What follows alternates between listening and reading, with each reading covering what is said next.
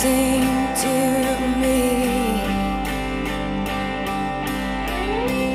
There is no place that I would rather be. Velkommen til et nytt eh, innlegg med Deborah og Miriam, bloggen min, da. Eh, Jeg vil bare snakke og gjenta litt av det jeg har snakket om før, og det er dette med sår i sjelen. For eh, det er fortsatt mange som ikke klarer å skjønne dette. De tror at så lenge man har fått tilgivelse, så er alt borte. Men det er jo ubibelsk. For Jesus, han, eh, han sa la oss eh, Han ba oss ikke be for de syke, og så gå hjem. Og så var de syke fortsatt syke. Han sa helbred de syke, sa han. Det er bibelsk. Det er det det står. Ikke be for de syke, og så skal de dø en liten stund etterpå, og kanskje blir noen helbredet. Nei, han ba oss helbred de syke, reis de døde. Det er det han ber oss om å gjøre. Gjør større ting enn det jeg har gjort.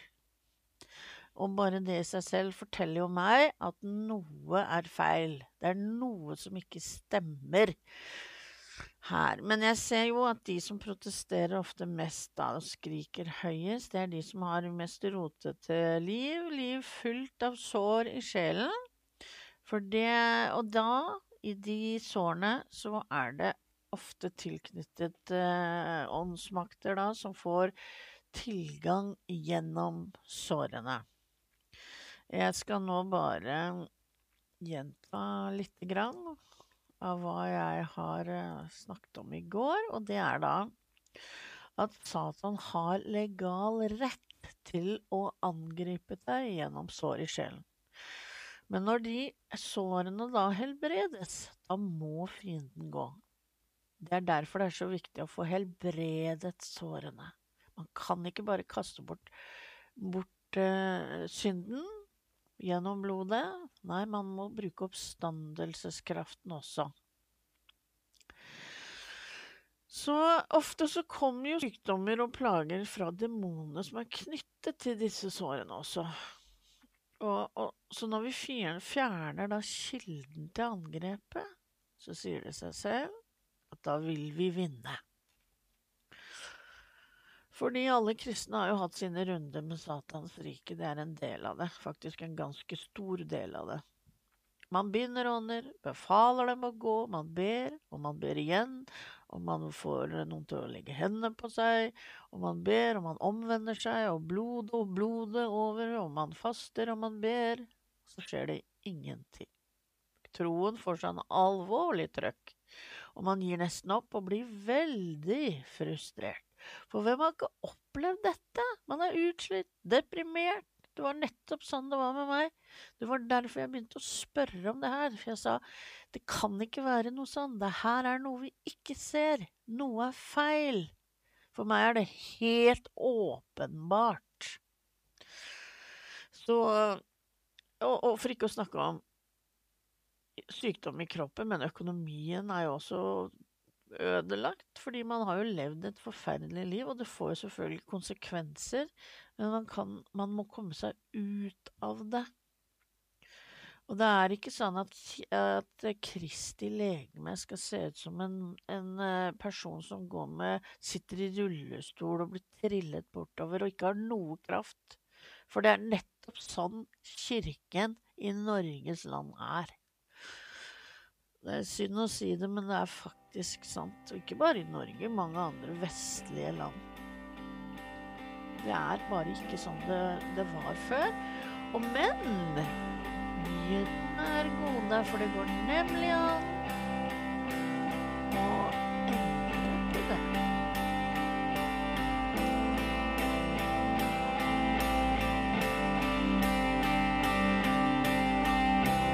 There than the love you pour on me. There is no song sweeter than the song you sing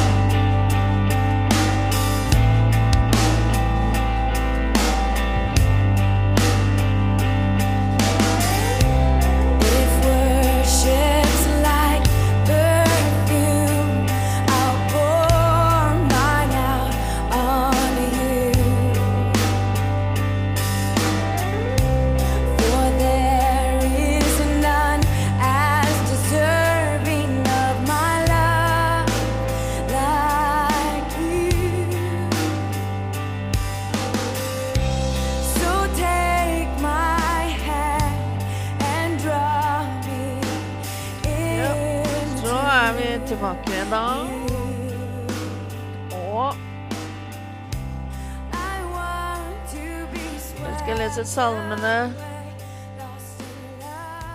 Salme 143,3 da, og som vanlig så leser vi fra Amplified.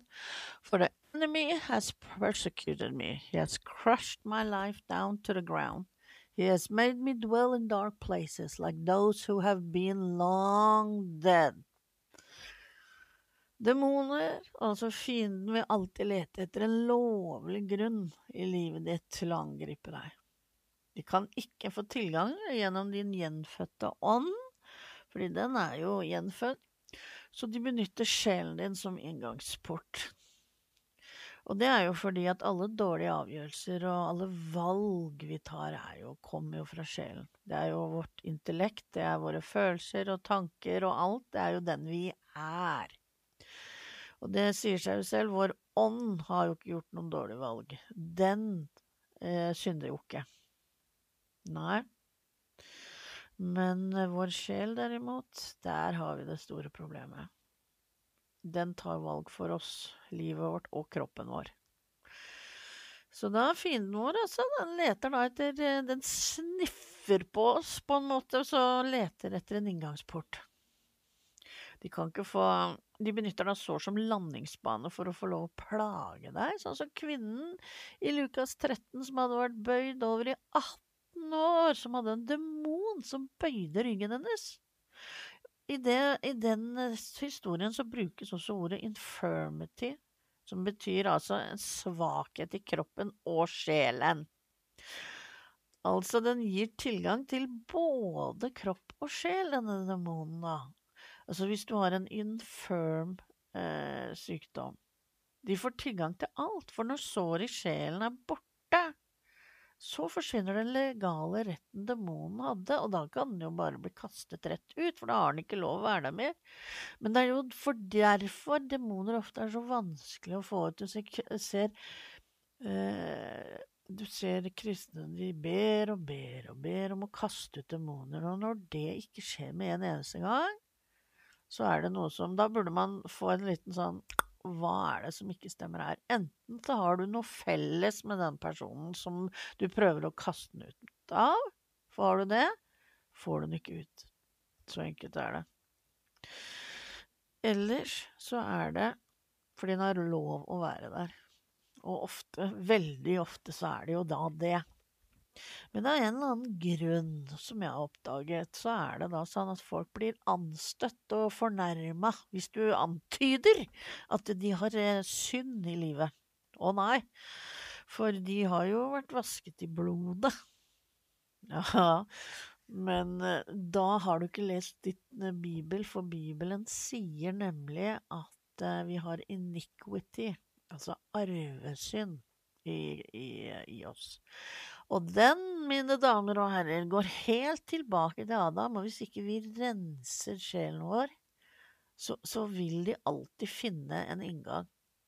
Og ofte når vi først blir kristne, da begynner de store problemene, fordi det er da Satan begynner å lete etter ting i, i vår linje, og så angriper han oss gjennom de.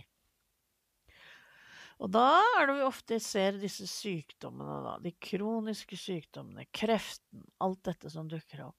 Jeg ser at også mange blir veldig fornærma når man antyder å tro at deres døde kjære, da, døde fordi at de hadde noe i sjelen ikke, ikke som gjorde at Satan hadde tilgang til dem. Og jeg skjønner eh, Jeg kan jo forstå selve konseptet, men, men jeg er litt mer sånn praktisk retta. For sånn som jeg tenker, var det da bedre at de døde? De døde jo. Så hvorfor de døde, er liksom de, Er det bedre at de døde av kreft, eller er at du faktisk vet hva som var grunnen, sånn at du som hvis du er slekt med dem, så må du i hvert fall se å få rensa deg, så ikke du også ender opp med det samme. Fordi dette her er faktisk ikke for å plage oss og utsette oss for ting. For newsflash, vi har synd. Og sårene gjør at vi synder enda mer. Og hvis vi tror at man ikke synder, så er det ekstremt villfarelse. For sladder, fornærmelse, eh, baktalelse og slemme tanker og uttalelser, stygge uttalelser, alt dette er virkelig synd. Og det, mine damer og herrer, det gjør vi. Står i kø på butikken, og folk er treige, og du blir fornærma, og du blir sur, det er synd. Det er faktisk det. Det kommer av noe i deg. Jeg lover deg det. Dess mer rensa du blir, dess mindre av sånne ting vil du faktisk merke. Og du blir friere og friere. Så hva var det da Jesus gjorde med denne damen som hadde vært eh, bøyd i 18 år? Du kan jo tenke deg, hun hadde jo sikkert vært hos alle som var Alle som var av leger og, og helbredere, hun. Så det Jesus gjorde, han brukte dynamiskraften som han hadde fått salvelsen fra sin far, som vi leste i stad og helbredet kilden til problemene hennes og kastet ut demonen som holdt henne. Takk for at dere fulgte med. Neste episode kommer snart, følg med. I Jesu navn velsigne dere alle.